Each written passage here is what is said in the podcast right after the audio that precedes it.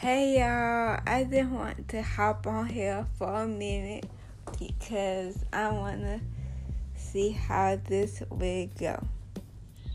Um, I want to make podcasts about friendships because they are hard work, but